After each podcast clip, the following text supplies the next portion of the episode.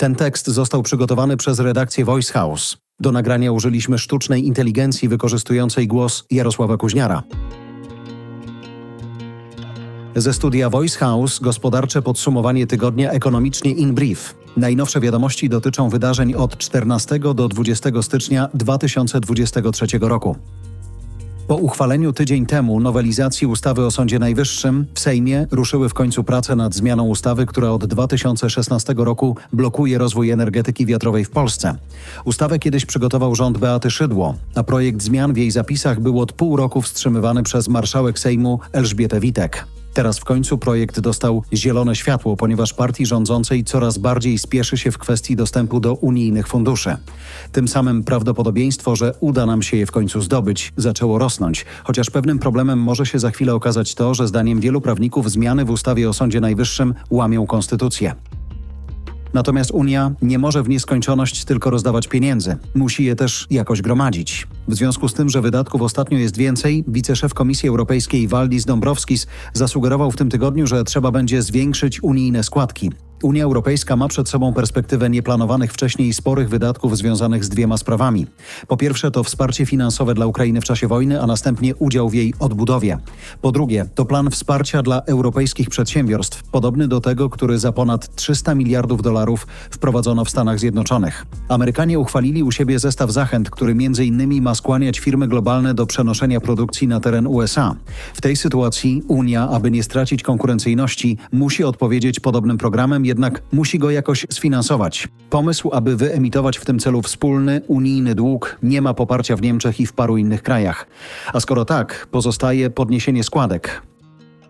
Nowe obciążenia finansowe mają pojawić się też w Polsce i będą dotyczyć tych, którzy kupują mieszkania w sposób hurtowy, czyli więcej niż pięć jednocześnie. Pomysł polega na tym, aby osoby bądź podmioty posiadające już pięć mieszkań w przyszłości mogły kupować tylko jedno mieszkanie raz na 12 miesięcy. Dodatkowo podatek od czynności cywilnoprawnych w takich przypadkach zostałby podniesiony do poziomu 6% wartości nieruchomości. Wszystko po to, aby ograniczyć popyt ze strony funduszy, które kupując mieszkania hurtowo dodatkowo podbijają ich ceny na rynku, przez co stają się one trudniej dostępne dla tych wszystkich, którzy chcieliby kupić mieszkanie po to, żeby w nim mieszkać, a nie po to, żeby na nim zarabiać. Projekt odpowiedniej ustawy ma wkrótce trafić na posiedzenie rządu. Żabka nie zostanie przejęta przez polskie państwo. Jej właściciel, fundusz CVC, dał znać, że nie jest zainteresowany takim scenariuszem. Przedstawiciel funduszy mówił w tym tygodniu, że Żabka to spółka stworzona do tego, aby ją wprowadzić na giełdę. Przy czym funduszom się z tym nie śpieszy, ponieważ czeka on na lepsze czasy i wyższe wyceny na rynkach finansowych, a giełdą, na którą kiedyś Żabka trafi, nie musi być wcale giełdą w Polsce. W ubiegłym roku przez chwilę było głośno o tym, że PiS chce przejąć kontrolę nad Żabką. Wiecie Państwo, co to jest żabka? Te sklepy też być może zostaną odkupione. Idziemy w tym kierunku, mówił szef PiS Jarosław Kaczyński w październiku. Takim pogłoskom sprzyjał fakt, że ten sam fundusz CVC sprzedał niedawno kontrolowanej przez państwo grupie energetycznej PGE firmę PKP Energetyka. Coraz wyraźniej psują się nastroje na polskim rynku pracy. Z raportu Polskiej Agencji Rozwoju Przedsiębiorczości wynika, że coraz mniej pracowników twierdzi, że spodziewa się wzrostu wynagrodzenia.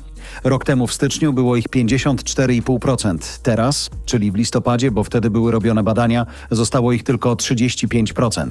Odsetek osób, które obawiają się utraty pracy wzrósł z 27,7% przed rokiem do 42% teraz. Wszystko to oznacza, że pozycja przedsiębiorców na rynku pracy powinna się poprawiać. Pracownicy obawiający się tego, że zostaną zwolnieni, a zwykle nie mają dużej determinacji, aby walczyć o wzrost pensji w miejscu, w którym są zatrudnieni.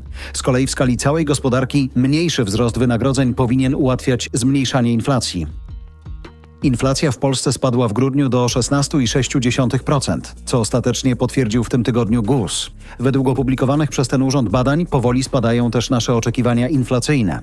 Na pytanie o to, co się będzie dziać z cenami detalicznymi w ciągu najbliższych 12 miesięcy, 22,5% badanych odpowiada, że będą rosnąć wolniej niż w czasie ostatniego roku. To najwyższy odsetek takich odpowiedzi od początku 2018 roku, a wcześniejszych danych na ten temat GUS nie podaje.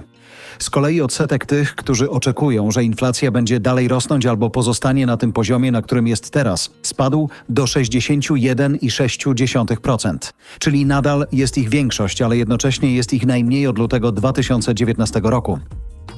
Zdaniem wielu ekonomistów to, czy nasze oczekiwania inflacyjne rosną, czy nie, ma bardzo duży wpływ na samą inflację, ponieważ jeśli oczekujemy tego, że ceny będą rosnąć, wtedy przedsiębiorcom łatwiej podnosić ceny, co w efekcie przekłada się właśnie na wzrost inflacji. Tak więc spadek oczekiwań inflacyjnych może zahamować wzrost inflacji. Ten tekst został przygotowany przez redakcję Voice House. Do nagrania użyliśmy sztucznej inteligencji wykorzystującej głos Jarosława Kuźniara.